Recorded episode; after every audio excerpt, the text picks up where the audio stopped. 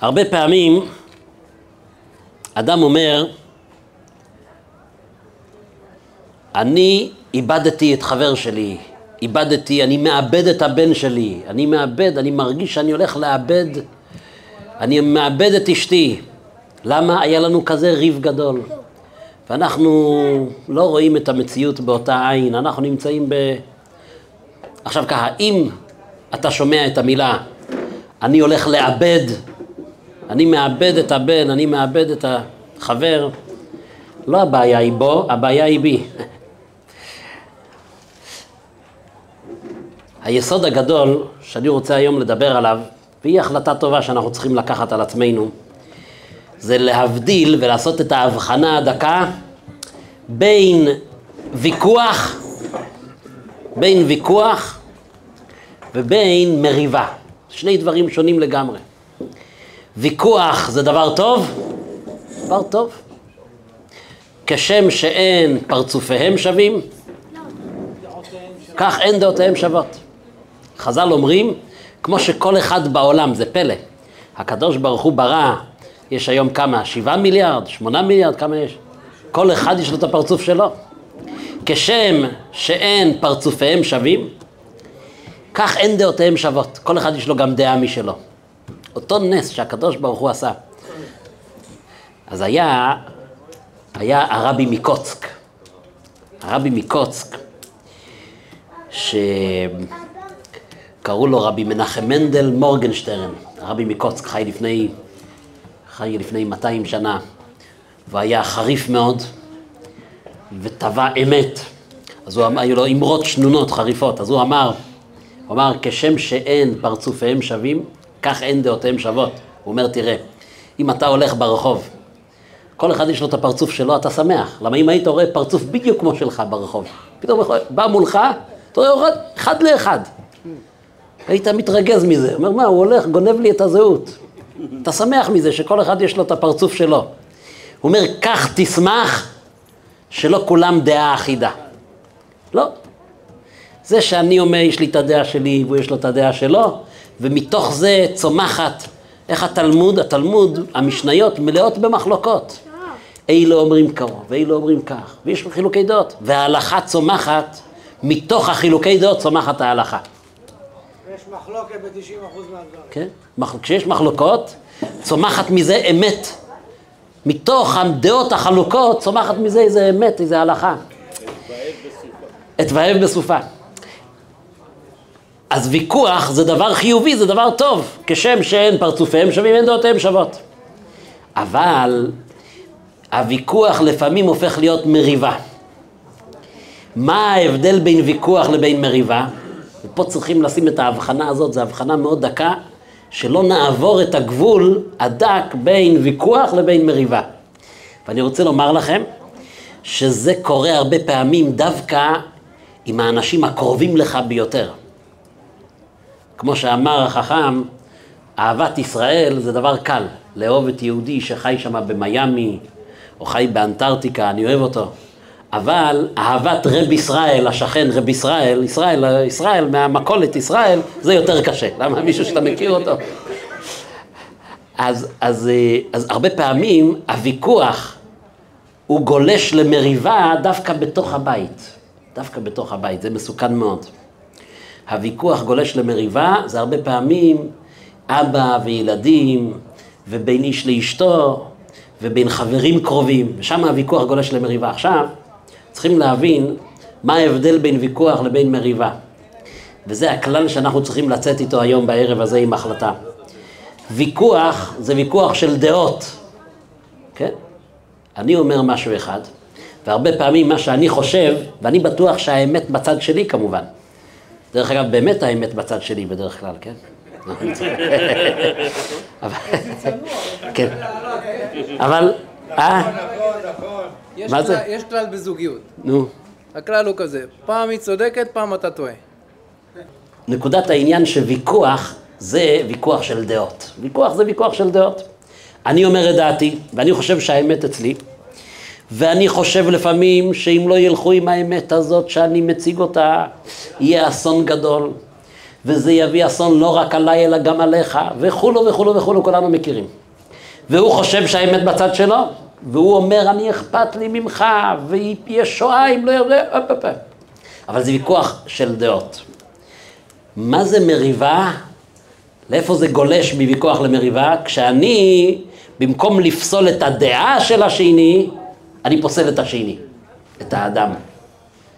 אם אני פסלתי את האדם ולא את הדעה, זה כבר לא ויכוח, אלא זה מריבה.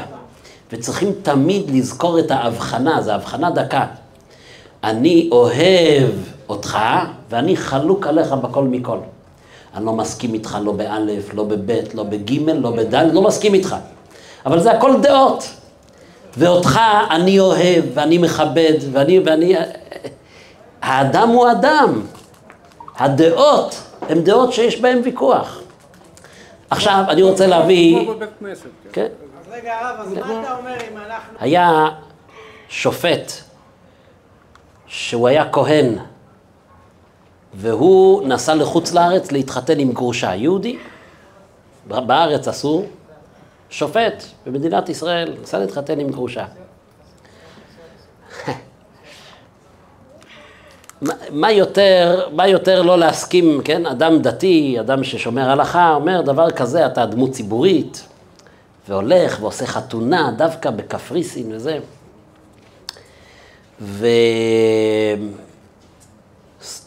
והקפות, שמחת תורה, הוא היה בניו יורק, תמיד הקונסוליה והחבר'ה הישראלים בניו יורק, החג השני שהישראלים עושים רק יום אחד, כי הם נמצאים שם רק לזמן קצר, אז היו באים לברוקלין, לבית מדרש של הרבי בחג השני, כדי להשתתף בשמחה בהקפות.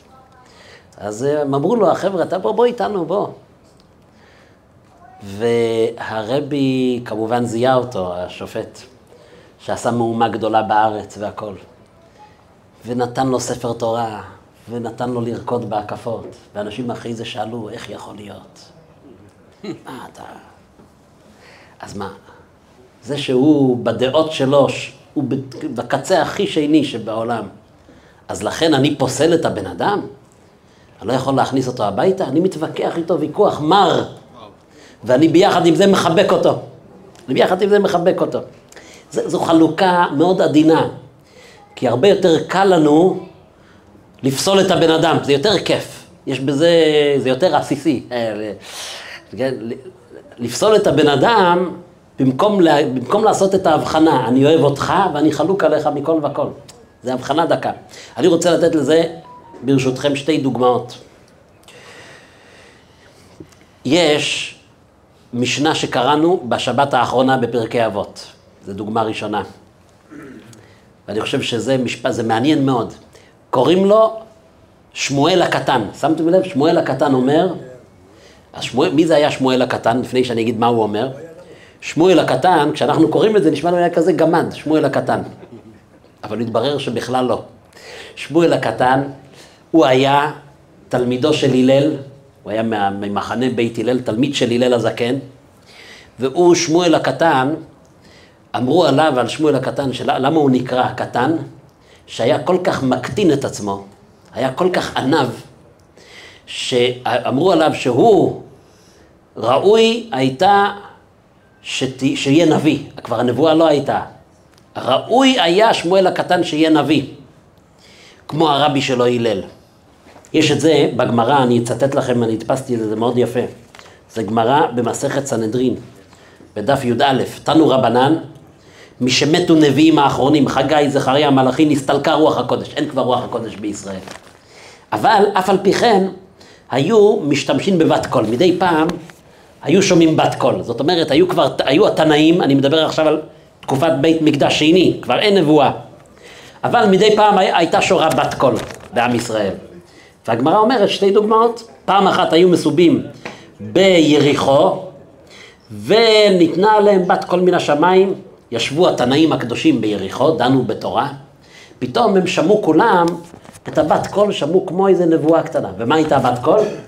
יש כאן אחד שראוי שתשרה עליו שכינה כמשה רבינו, אלא שאין הדור זכאי לכך. אתם אומרים אין נביאים? בחדר הזה יש מישהו שהוא ראוי להיות נביא, אבל הדור לא ראוי. נתנו חכמים את עיניהם בהלל הזקן, אמרו הנה זה, עליו מדובר, כולם הסכימו. וכשמת הלל הזקן אמרו עליו, היי חסיד, היי עניו, תלמידו של עזרא, איפה יש לנו כמותו, כמו הלל, כמו הלל הזקן. תכף נגיד דוגמה מהלל. הלאה, שוב פעם אחת היו מסובים ביבנה, ושוב פעם שמעו בת קול מן השמיים. יש כאן אחד שראוי שתשרה עליו שכינה, ואין הדור אז, אין הדור זכאי. נתנו חכמים את עיניהם בשמואל הקטן, ישבו שם אריות כולם, הלל הזקן, היו לו תלמידים ענקים.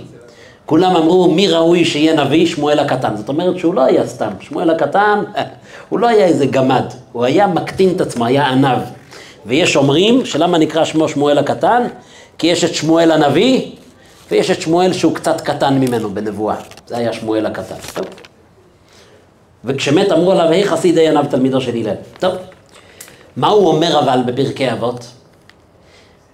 שמואל הקטן, אין, אין ממנו הרבה, אין ממנו הרבה אמרות, אין ממנו הרבה הלכות, אבל יש משפט אחד שהוא אומר, בנפול אויבך, אל תשמח. מה הבעיה עם המשפט הזה? בנפול אויבך, אויבך אל תשמח, ובהיכשלו, ובכושלו. אל יגל לבך, אל יגל לבך, פן יראה השם ורע בעיניו והשיב, מעליו אפו, יישר כוח. זה בזכות אח שלך. זה בזכות אח שלי שהוא מדקדק איתך, הבנתי. אח שלי ירש את אבא בדקדוק. אני, אני, אני אה, התפוח נפל רחוק מהעץ, איפה ניסים שיוכיח?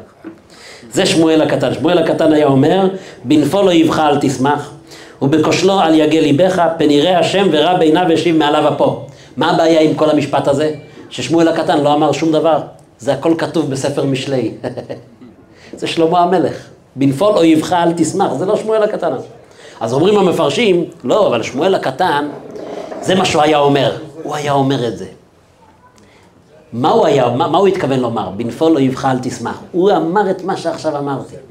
זה היה שמואל, הוא רצה להגיד לאנשים, אתם יודעים מה זה ענווה?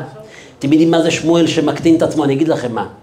תפריד בין הדעה לבין האדם. אם האדם שאתה מתווכח איתו, פתאום נפל בעסקים, פתאום איבד את ממונו, פתאום נכשל, פתאום, פתאום נפל, מעד, ואתה מרגיש שמחה בלב, סימן שאתה רחוק מהמושג של ענווה. למה? כי לא הבנת שצריך להפריד בין ויכוח לבין מריבה. זה מה שאומר, שמואל הקטן היה הולך. הוא לא אמר את זה, הוא לא, הוא לא המציא את המשפט. הוא יישם את זה בחיים שלו. מאיפה הוא למד את זה? הוא למד את זה מהרבי שלו, הלל הזקן. עכשיו שימו לב, הלל הזקן זה הדוגמה השנייה. אנחנו יודעים שיש איזה 300 מחלוקות בין בית שמאי ובית הלל. חוץ משש, תמיד ההלכה כמו מי? בית הלל. הגמרא אומרת למה? לעתיד לבוא יהיה בית שמאי. בינתיים בית הלל. הגמרא אומרת למה? למה זכו בית הלל שההלכה תהיה כמותם? תקשיבו טוב. למה זכו בית הלל? הגמרא אומרת שזה בגלל שתי סיבות. שתי סיבות. סיבה ראשונה, בגלל הענווה שהייתה בהם, שהם היו נוחים לבריות, שהיו, היה, כן, זה, הסיבה הראשונה. סיבה שנייה, סיבה ראשונה, נוחים הם, נוחים הם, היה בהם ענווה. סיבה שנייה, תקשיבו טוב, מפני שמקדימים את דברי בית שמאי לדבריהם. זה, יש את זה היום בפסיכולוגיה. ומה מה זה אומר? מה זה, מה זה, תקשיבו, זה נשמע, זה נשמע דבר קטן, זה דבר גדול. מפני שמקדימים דברי בית שמאי לדבריהם. פירוש, פירוש. יש מה שנקרא, כשאתה נמצא בוויכוח, אומרים לך את הדבר הבא. שיקוף זה נקרא. מה זה שיקוף? לפני שאתה עונה, תחזור על דברי החולק עליך. תחזור על דברי החולק עליך. אתם נמצאים באיזה ויכוח, אתם נמצאים בזמן של מתיחות. אתם רואים, אנחנו לא מבינים אחד את השני. תחזור על דברי החולק עליך. צריך להגיד לרגע אשתי, אני רוצה רגע להבין, אז את אומרת שככה וככה וככה וככה, הבנתי אותך, נכון? 50% מהמקרים בכלל לא הקשבת לי, בוא אני אגיד לך עוד פעם מה התכוונת. מישהו אמר שאישה אומרת לבעלה, אני יכולה להגיד לו את כל הסודות, הוא מילא לא מקשיב לי אף פעם, לא. תחזור על דבריה, האם זה מה שאת התכוונת?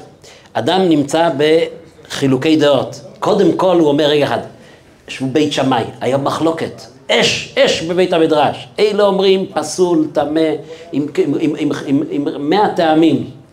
ואלה בית הלל מחכים שהם יסיימו. ואחרי שסיימו, אמרו, נו, מה יש לכם לומר? רגע אחד, קודם כל, אנחנו רוצים רגע לחזור על דבריכם, בית שמאי. אתם טוענים טמא, פסול, למה? בגלל הטעם הראשון והטעם הראשון. חזרו על כל דבריהם, מאה עצמם, אמרו, כן, אמרו את כל המאה. הבנו אתכם נכון? אומר, כן, כן, זה מה שאומר. עכשיו יש לך זכות להגיד את דעתך. שומעים מה שכתוב כאן? במילים אחרות, אני לא פוסל את הבן אדם. אני לא פוסל את הבן אדם, אני פוסל את הדעה, ואני אוכיח לך את זה. אני מכבד אותך, אני הקשבתי לך עד הסוף, לא נכנסתי לתוך דבריך. דבר שני, היה חשוב לי לחזור על הדברים כדי שתראה שהקשבתי לך, ושאכפת לי ממך ושאני מקשיב למה שאתה אומר, והאם הבנתי אותך נכון. אני לא נגד, אני, לא, אני נגד הדעה, אני רוצה להתמקד בדעה. אני, יש לי כבוד אליך. זה בית הלל. זכו שההלכה תהיה כמותם. אז הקדוש ברוך הוא אומר, כמותם תהיה ההלכה. למה כמותם תהיה ההלכה? כי הם יודעים לנהל ויכוח בצורה נכונה. זה דבר שהוא מאוד פרקטי לחיים. צריכים לקחת את זה מהיום הזה, שפסקו תלמידי רבי עקיבא. כולם שואלים, איך יכול להיות? רבי עקיבא אמר, ואהבת לרעך כמוך, ואהבת לרעך כמוך, ואהבת כמוך, והנה התלמידים שלו לא נהגו כבוד זה בזה. אלא מה? שהתלמידים, כל כך היה אכפת להם, לכאורה, מהחבר, שהם אומרים, אני לא מוכן לדבר איתך עד שתשמע מה שהנכון ומה שהאמת, והאמת היא כמובן בצד שלי. הוא, אומר, הוא מתאר, מתוך אכפתיות, אכפת לי ממך. אבל אם היו תלמידים של בית הלל, אז למרות שהתלמידים של רבי עקיבא יש להם ויכוח, הם לא היו גולשים למריבה, לא היה יורד לפסים אישיים. זה נכון היום בימינו. אנחנו לוקחים כל דבר ועושים מזה ויכוח אישי. וזה רע מאוד. הרבי היה אומר, תלכו לקיבוצים. מה זה משנה? הדעות זה דעות, נו, בסדר. אבל כולם יכולים לשבת סביב איזה שיר יהודי טוב, וכולם מכבדים, כולם, מה יש? כולם יכולים לשבת ביחד, זה, זה, זה נקודה שצריכים לחדד אותה היום. ועל זה אמרה ברוריה, כולם זוכרים, במסכת ברכות, שרבי מאיר, ככה מסופר שם, היו לו שכנים שהיו עושים לו את המוות, עושים לו צרות. היו אנשים מושחתים. אז רבי מאיר לא יכל כבר לשאת את זה, לא יכל לסבול. אז היא שמעה אותו, אשתו ברוריה, שהיה מתפלל, ריבונו של עולם, תעשה לי חסד, שימותו אלה, השכנים האלה, הפורעים האלה. אז היא שמעה את זה, אז היא אמרה לו, לא טוב אתה עושה. אז הוא אמר לה, מה? היא אמרה לו, כתוב בתהילים, איתמו חטאים מן הארץ, ולא כתוב איתמו חוטאים. אז היא אמרה לו, אתה צריך להתפלל שהחטא, שהרע שיש להם, שזה ילך. אבל לא הבן אדם. שיחזור בתשובה. אז הוא אמר לה, את צודקת. רבי מאיר אומר לה, את צודקת. והיה מתפלל שהשכנים יחזרו בתשובה, שלא יקרה להם שום דבר, שיחזרו בתשובה, זה היה מתפלל. והתפילה שלו התקיימה. אז הנקודה היא שאנחנו צריכים לקחת מהיום הזה, פסקו מלמות תלמידי רבי עקיבא, צריכים לקחת מהיום הזה את הנקודה הזאת, שלא להפוך ויכוח למריבה, אלא אני אוהב אותך אפילו שאני חלוק עליך. זה מה שצריך לדעת, לא להגיד, אני לא רוצה אחידות, אני לא רוצה כולם עם אותו פרצוף. אני רק רוצה שלא יצא מזה מריבה. לחיים, לחיים, לחיים. שנזכה.